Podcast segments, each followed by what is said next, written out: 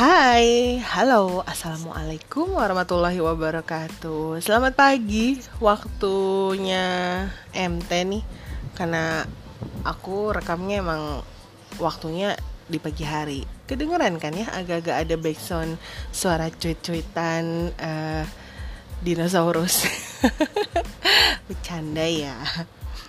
Oke, kali ini ini adalah uh, podcast saya yang kedua.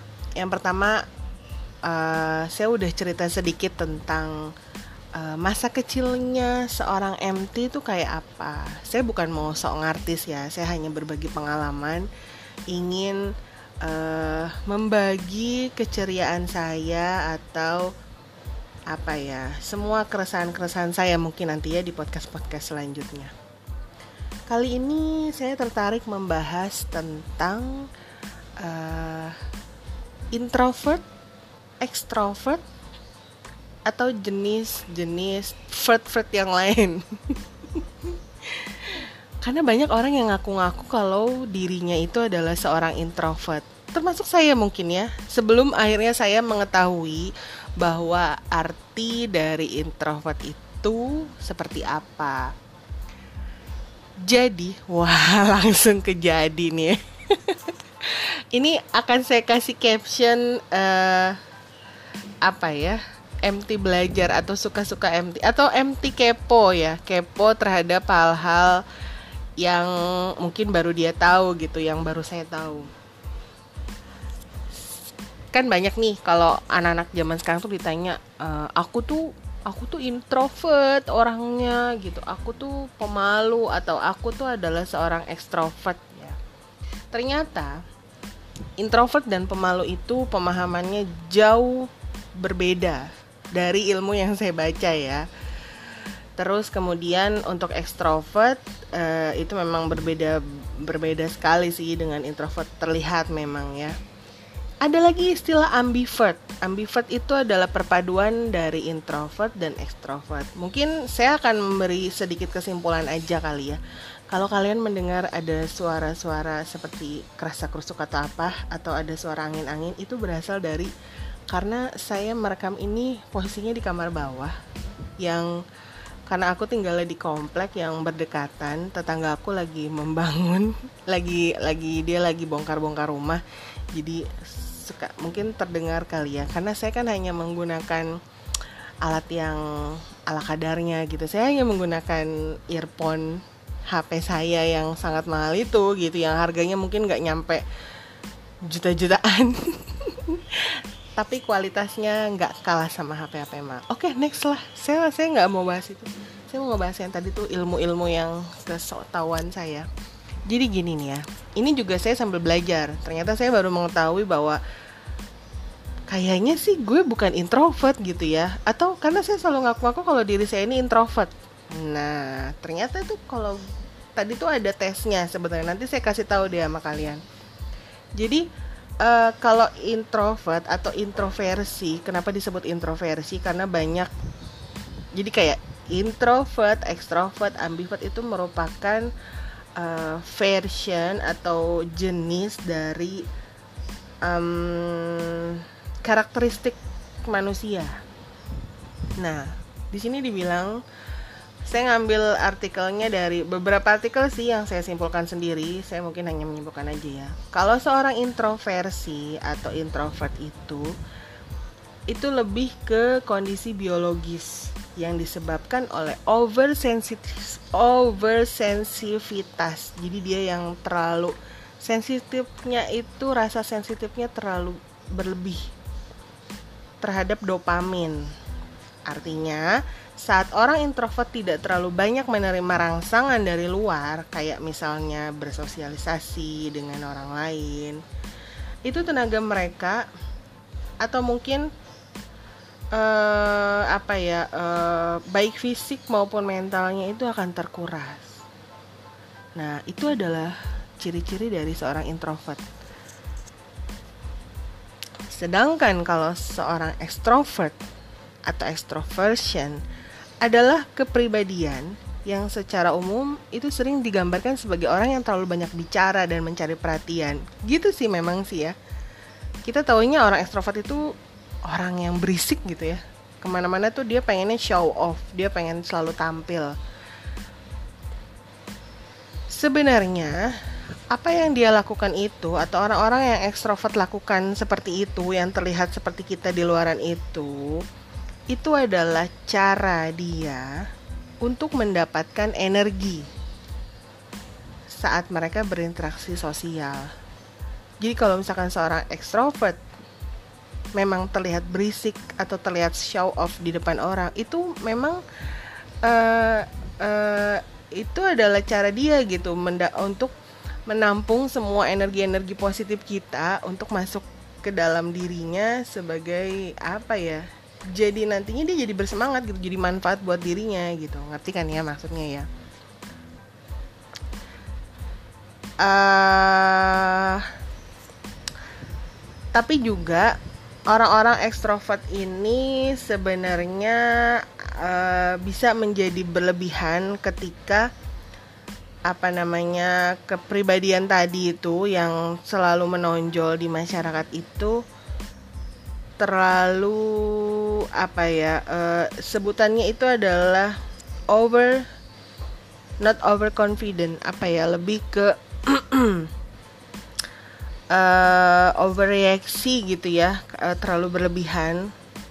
Sebenarnya itu bisa menjadi positif buat dia karena dia akan mendapatkan inspirasi dan rasa senang mungkin juga berpengaruh terhadap uh, kesehatan fisik dan mentalnya gitu tapi stimulus yang berlebihan terhadap uh, seorang ekstrovert itu juga sangat uh, mengganggu sebetulnya. Tapi saya tidak membahas tentang extrovert. Nanti itu ilmunya akan saya bahas di lain kesempatan. Kemudian ambivert. Jadi ambivert itu adalah perpaduan atau tadi yang saya bilang perpaduan antara introvert dan extrovert. Jadi uh, seimbang gitu ya. Jadi gini, uh, seorang ambivert itu dapat digambarkan mereka itu senang bersosialisasi, bertemu dengan teman-teman, bertemu dengan orang lain gitu ya. Itu mereka senang orang-orang aktif ambivert.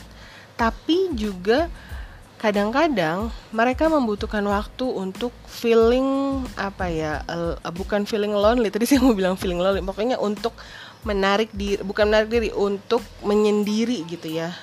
Itu orang ambivert. Jadi dia bukan berarti dia tidak senang berada di keramaian seperti orang introvert tapi kadang-kadang lama-lama gitu dia merasa uh, mungkin ag agak sedikit mengalami insecure gitu kan karena dia juga seperti sepertinya tidak ter tidak terlalu terbiasa gitu dengan kondisi ramai seperti itu. Ada tesnya kalau misalkan merujuk kepada diri saya nih seorang MT itu introvert kah extrovert atau ambivert? Kalau aku lihat dari definisi-definisi tadi sebetulnya aku tuh dulu kalau ditanya orang ya kamu tuh apa sih? gitu ya. Kamu tuh tipe yang introvert kah? Aku dulu aku selalu bilangnya sih aku dulu aku bilangnya aku pemalu karena aku nggak tahu istilah introvert karena sekarang banyak orang yang bilang introvert, introvert, introvert. Aku jadi ikut-ikutan. Wah, kayaknya gue introvert nih gitu kan. Biar keren aja gitu. banyak masyarakat jadi kayak gitu kan. Mengaku dirinya introvert itu untuk untuk merasa keren. Karena memang istilah yang lagi in saat ini adalah seorang introvert itu gitu. Yang katanya introvert itu dia lebih senang menyendiri lebih senang melakukan aktivitasnya sendiri gitu. Tidak berinteraksi sosial dengan orang-orang. Kemudian kadang-kadang kalau misalkan mau diposisikan negatif juga seorang introvert itu menjadi seorang yang depression gitu kan. Mempunyai kecenderungan untuk merasa depresi karena dari kesendirian itu sendiri. Padahal tidak seperti itu. Seorang introvert ternyata bukan berarti dia tidak mau berinteraksi sesuatu sorry. Seorang introvert tidak bukan berarti dia tidak mau berinteraksi dengan lingkungan sekitarnya gitu. Cuma dia memang merasa lebih senang, merasa lebih nyaman dan aman ketika berinteraksi dengan dirinya sendiri. Jadi seperti inilah bahasa bahasa bahasa sayanya gitu. Orang introvert itu kalau bukannya dia bisu tanda kutip ya dia kalau nggak penting-penting banget tuh nggak akan ngomong gitu atau mungkin kalau menurutnya hal yang dibahas itu tidak menarik atau tidak sesuai dengan apa yang dipikirkan atau dengan idenya gitu dia tidak akan banyak berbicara. Dia lebih banyak menyimak mungkin mendengarkan atau juga mungkin dia sedang mentertawakan kita gitu. Karena ih apa sih orang itu banyak omong banget sih padahal ilmunya kosong gitu kan ilmunya nggak ada. Seperti itu orang introvert ya. Dia lebih banyak menyim menyimak menyimak obrolan orang-orang sekitarnya. Dia bukannya tidak mau ikut uh, sharing gitu atau tidak mau ikut join di obrolan itu. Tapi ya karena memang tidak sepemahaman itu jadi males gitu. Menurut dia ya lebih baik dia diem. Gitu. Itu adalah introvert.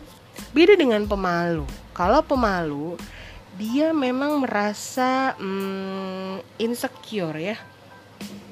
Insecure dalam arti boleh lah mungkin saya nggak tahu ya nanti mungkin kalau ada teman-teman di sini yang uh, psikologik gitu kan psikolog si, uh, seorang si, psikolog psikolog mungkin bisa bantu saya. Kalau mungkin pernyataan saya ada yang salah. Pemalu itu dia lebih uh, namanya juga pemalu gitu ya minder. Dia merasa tidak nyaman dengan uh, keberadaan dia karena memang dia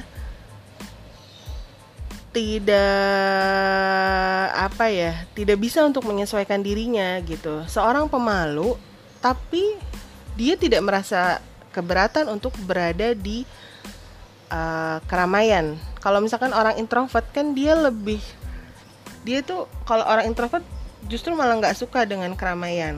Kalau orang pemalu dia eh, nggak uh, masalah tapi dia apa ya hmm, sebentar saya memposisikan dirinya janjian saya itu sebenarnya itu introvert pengertian tadi saya sebutkan.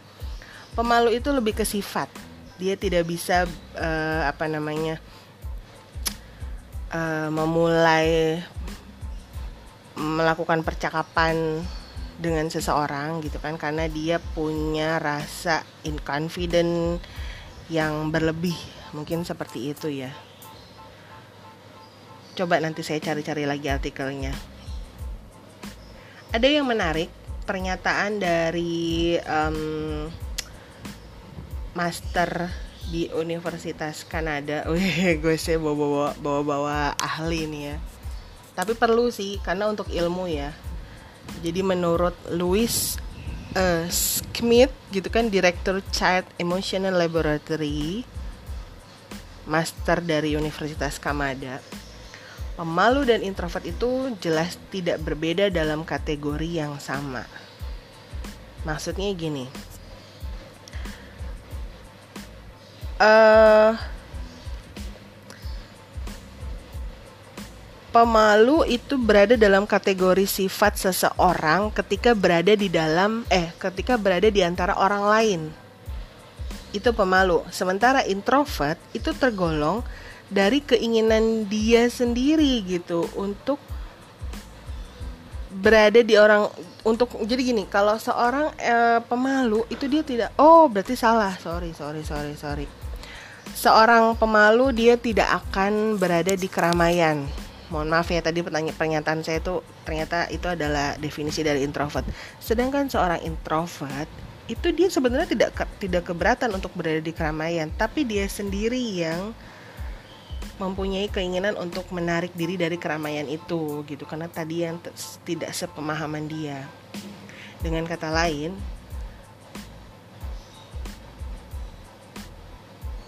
oh oke okay. gini. Sebentar ya kalau jadi di tulisannya gini. Seseorang yang pemalu bukan tidak mau berada di dalam kelompok atau keramaian. Hanya saja mereka merasa tidak nyaman dan gelisah meski dapat melakukan interaksi sosial Oke, orang yang pemalu mungkin akan merasa sedikit tidak nyaman berada di tengah keramaian. Betul. Akan tetapi, biasanya mereka merasa cukup baik-baik saja dan tidak masalah selama tidak menjadi pusat perhatian. Nah, itu tadi. Aduh, mohon maaf ya. Kalau bahasa aku selalu berlibat memang kalau berbicara. Ini berbi ini ngomong sendiri aja gue ternyata masih berlibat gitu. Berarti benar karena saya memposisikan diri saya sendiri gitu mungkin saya sedikit pemalu karena saya kalau merasa di tengah-tengah keramaian itu nggak apa-apa selama saya nggak jadi pusat perhatian gitu. Tapi kalau saya jadi pusat perhatian kan kadang kita nih kalau misalkan lagi jalan-jalan ke mana kayak gitu ya terus tiba-tiba ada orang yang merhatiin merhatiin kamu gitu merhatiin lo gitu.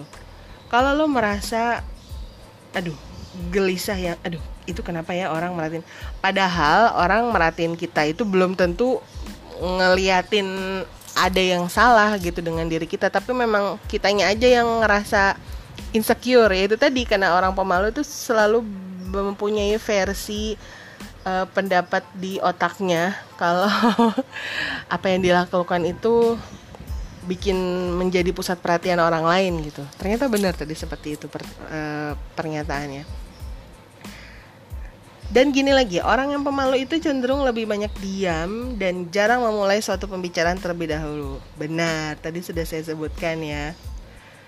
Sementara kalau introvert itu dijelaskan sebagai orang-orang yang lebih senang dengan kondisi tenang atau sepi, tapi bukan berarti mereka pemalu. Oh, I see. Mereka memang lebih menyenangi diri sendiri, tetapi melakukan kegiatan kelompok juga bukan masalah bagi mereka. Oke, oke, oke, oke. Ada orang yang dikategorikan sebagai introvert, kemudian juga sebagai pemalu. Begitu juga sebaliknya, ada orang yang introvert tapi periang. Ekstrovert juga sekaligus periang itu ada, tapi ada juga ekstrovert yang pemalu. Wah, menarik ya. Ini kalau misalkan dibahas, saya kayaknya saya mungkin akan cari-cari deh di kontak saya apakah saya punya teman-teman psikolog gitu kan untuk bisa sharing mengenai apa sih sebenarnya introvert, extrovert, pemalu atau mungkin antisosial atau ambivert lah gitu ya. Nanti deh uh, mungkin akan coba kita bedah. Ya asik bedah nggak tuh? Terus gini saya kan iseng ya. Ternyata ada tes ada tes yang bisa menjadi gambaran kita apakah kita ini seseorang yang mempunyai sifat introvert, extrovert kah atau ambivert. Tesnya uh, perlu saya bacain apa enggak ya pertanyaan-pertanyaannya? Mungkin perlu kali ya.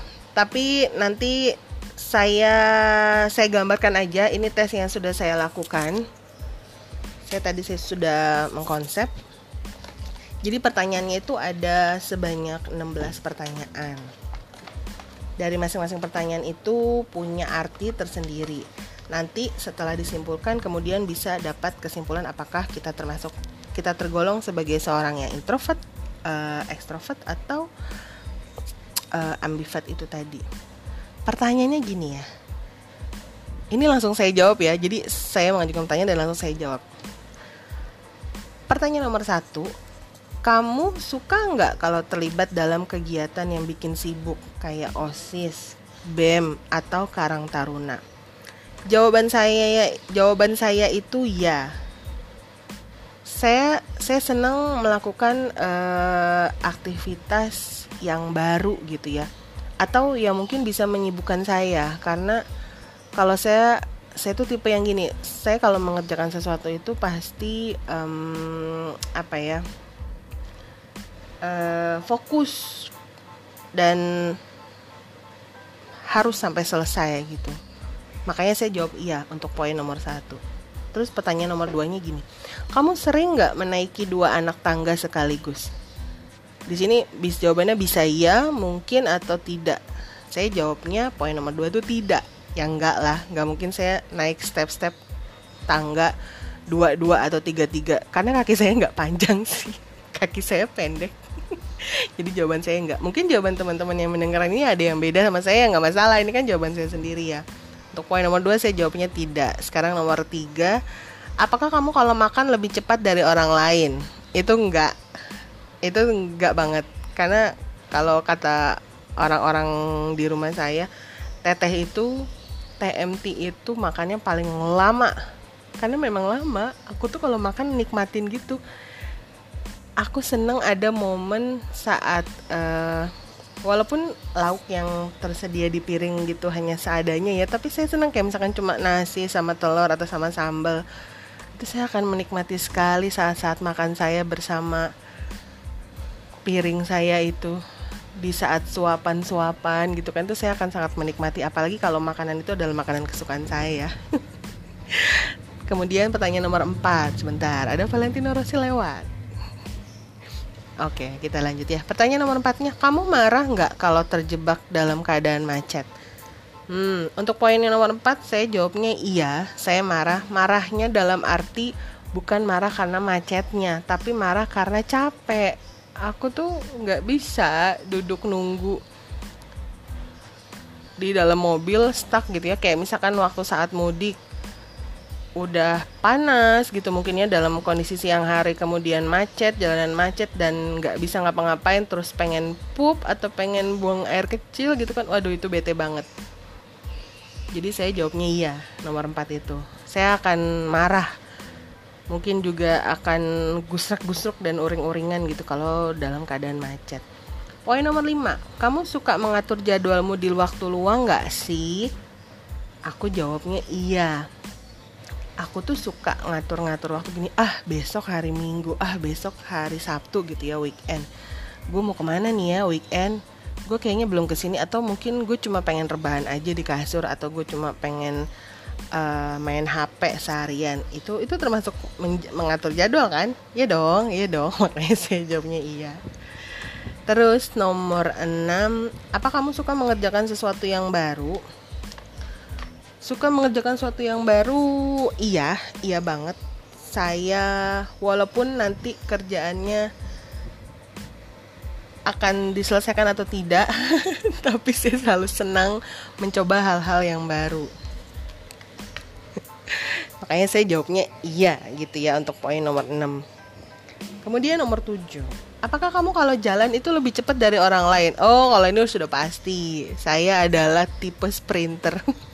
walaupun badan saya gemuk tapi saya kalau jalan keluarga saya itu saya cenderung jalannya yang paling cepat. Nggak tahu kenapa ya. Kayaknya kalau lambat itu gimana ya?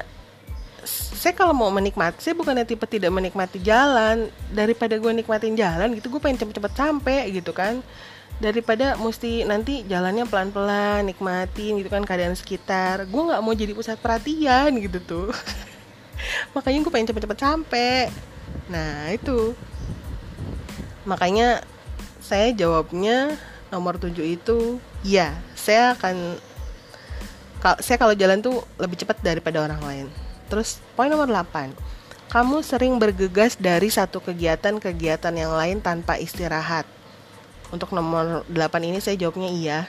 Saya kalau lagi ngerjain sesuatu tuh ya uh, harus sampai selesai saat itu juga. Kalau misalkan kerjaan saya itu belum selesai saya akan terus lakukan sampai selesai. Walaupun sampai malam walaupun saya uh, misalkan mungkin bisa sampai melupakan makan dan sebagainya istirahat tidur kayak gitu. Ada orang yang gini ngerjainnya setengah dulu. Nanti kalau capek dia istirahat dulu aku kalau kayak gitu kalau capek istirahat dulu itu pasti harus mulai dari nol lagi. Karena otak aku tuh eh, apa ya kalau menerima ilmu gitu ya menerima sesuatu yang baru itu pasti aku save benar-benar dan harus langsung aku kerjain.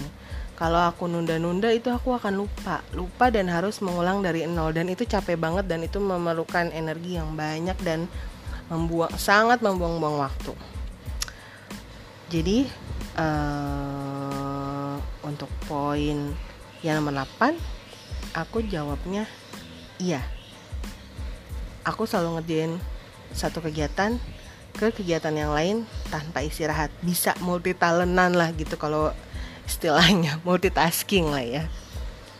Lalu nomor 9 kalau lagi melakukan sesuatu kamu nggak bisa diganggu. Oh ini jelas. Jawaban saya iya. Saya nggak bisa banget tuh diganggu-ganggu karena menurut aku kalau banyak tangan itu malah jadi riweh. Jadi mendingan aku ngerjain sendiri. Karena belum tentu apa yang dikerjain sama orang lain itu yang sama dengan apa yang kita kerjain atau yang kita mauin gitu kan. Ujung-ujungnya kalau misalkan uh, kita dibantu sama orang lain dan ternyata tidak sama dan tidak sepemahaman itu pasti aku akan ngerjain lagi ulang. Dan itu ah itu memakan waktu dong tentunya ya kan? Jadi jawaban aku ya saya tidak suka diganggu Nomor 10. Kamu susah nggak berkenalan sama orang baru? saya jawabannya tidak sebenarnya kalau ada orang baru saya misalkan memulai untuk memperkenalkan diri saya gitu sekedar basa-basi sih iya sih ya saya tidak merasa kesulitan untuk hal itu tapi tidak sebenarnya sih nggak langsung uh, pengen akrab karena emang tuntutan aja gitu. Kalau ketemu orang baru ya sekedar say hi menyapa dia gitu kan sebagai ucapan uh, halo gitu kan sapaan uh, formal basa-basi mungkin sih lebih. Itu jawabannya. Tadi saya jawabannya apa? Nomor 10 nomor 10 saya jawabannya tidak. Jadi saya tidak susah untuk berkenalan dengan orang baru sebenarnya. Saya bisa-bisa aja gitu kenalan kemudian nomor 11 ini pertanyaannya sampai nomor 16 ya jadi masih ada 5 poinan lagi. Nomor 11 apakah kamu suka menghindari tempat yang rame? Saya jawabnya iya. Bukan saya tidak suka saya suka tapi juga kadang saya menghindari karena um, saya tidak mau jadi pusat perhatian gitu. Saya minder dengan kondisi saya mungkin yang uh,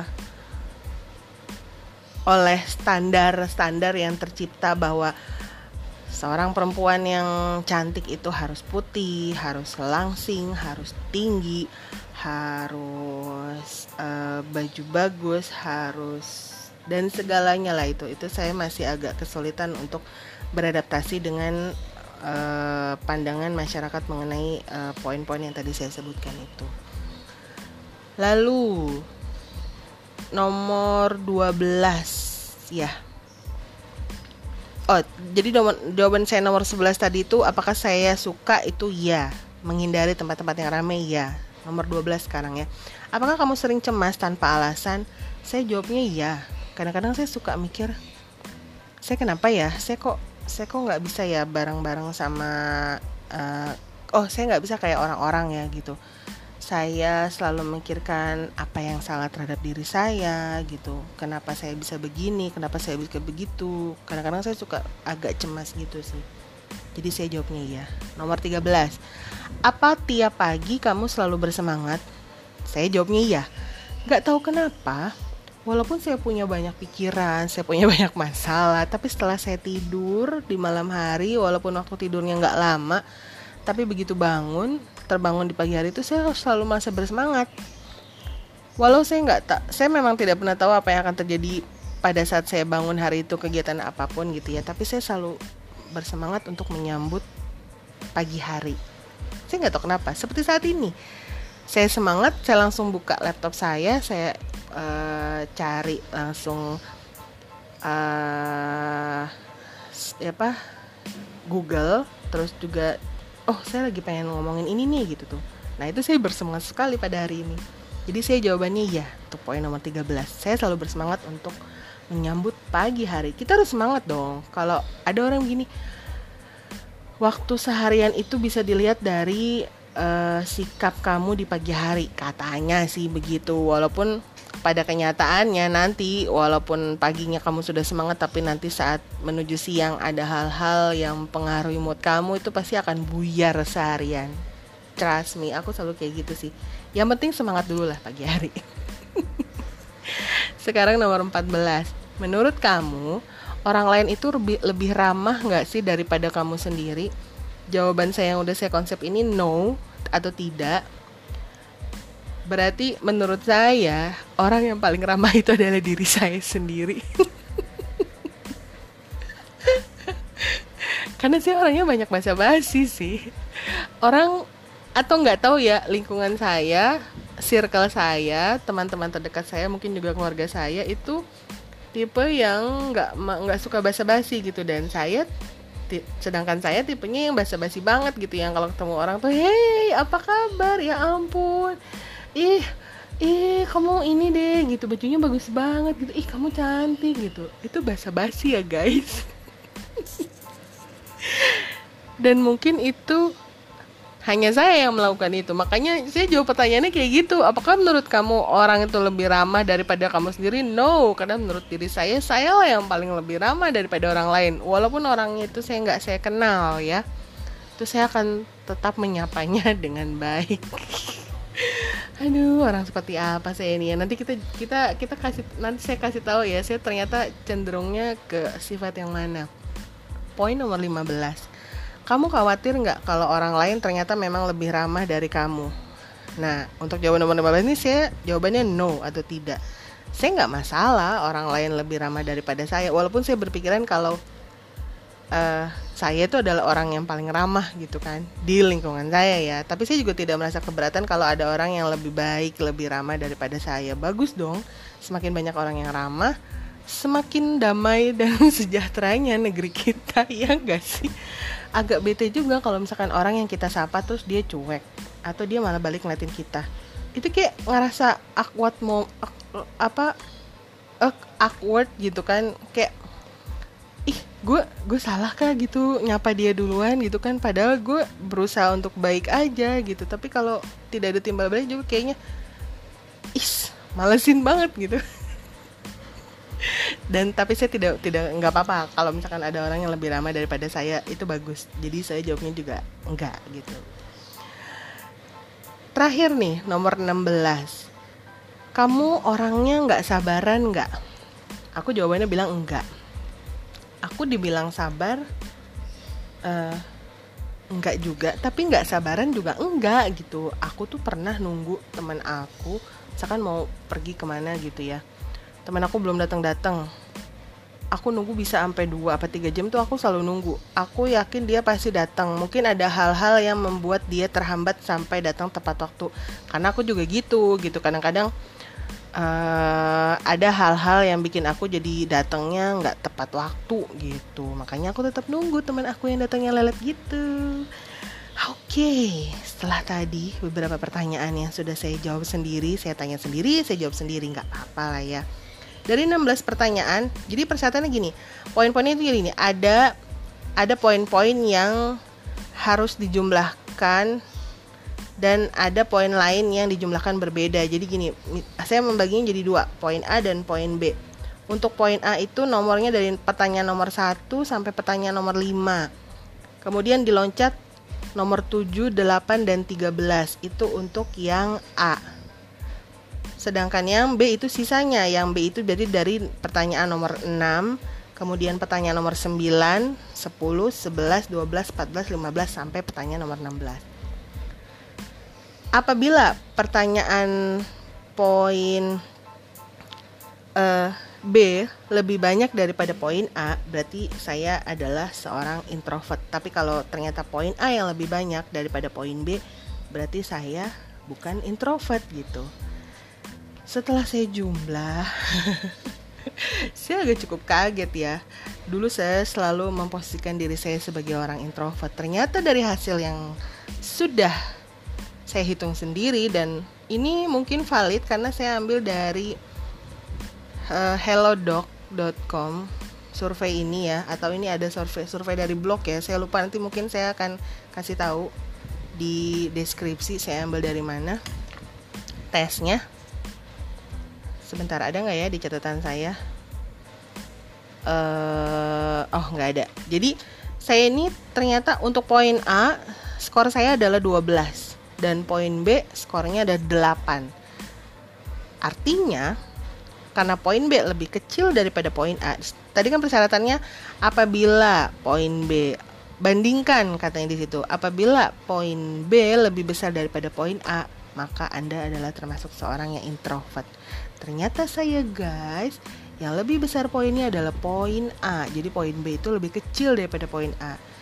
Kalau gitu, saya bukan seorang yang introvert. Mungkin saya adalah seorang yang ambivert, yang perpaduan dari introvert dan extrovert. Kalau kalian ingin mengetahui uh, kalian itu termasuk yang mana, kalian bisa ulang ya. Tadi pertanyaan-pertanyaan yang udah saya tanyakan kepada diri saya sendiri, kemudian kalian hitung sendiri. Tadi saya sudah poinnya adalah untuk kolom untuk yang A itu nomornya eh, pertanyaan itu dari nomor pertanyaan 1 2 3 4 5 7 8 dan 13 itu untuk yang poin A. Yang power pertanyaan poin B itu untuk perbandingan ya. Untuk pertanyaan poin B-nya itu dari nomor 6, kemudian nomor 9, 10, 11, 12, 14, 15, dan terakhir 16. Nanti kalian bandingkan. Kalau yang poin B lebih banyak daripada poin A, ingat poin B ya bukan poin A. Poin B lebih banyak daripada poin A, maka teman-teman termasuk seseorang yang introvert. Penjelasannya itu di awal yang tadi sudah saya sebutkan. Kalau ternyata yang B tidak lebih banyak daripada A kayak saya gitu, itu berarti sebenarnya Anda itu bukan introvert. Mungkin Anda hanya orang pemalu atau Anda adalah gabungan dari introvert dan ambivert kayak saya. Atau sebenarnya kalian tuh ekstrovert tapi pemalu gitu kan. Yang nggak masalah juga gitu. Karena kan itu tadi kan bedanya itu adalah sifat gitu kan, karakter seorang. Seperti itu teman-teman. Terima kasih sudah mendengarkan sampai 35 menitan ya. Semoga ilmunya bermanfaat. Ini tentunya sangat bermanfaat juga buat saya karena pagi ini saya mendapat uh, ilmu baru dan saya sangat senang sekali membagi pengalaman ini kepada teman-teman nongkrong bareng MT semuanya. Terima kasih dan selamat beraktivitas. Bye.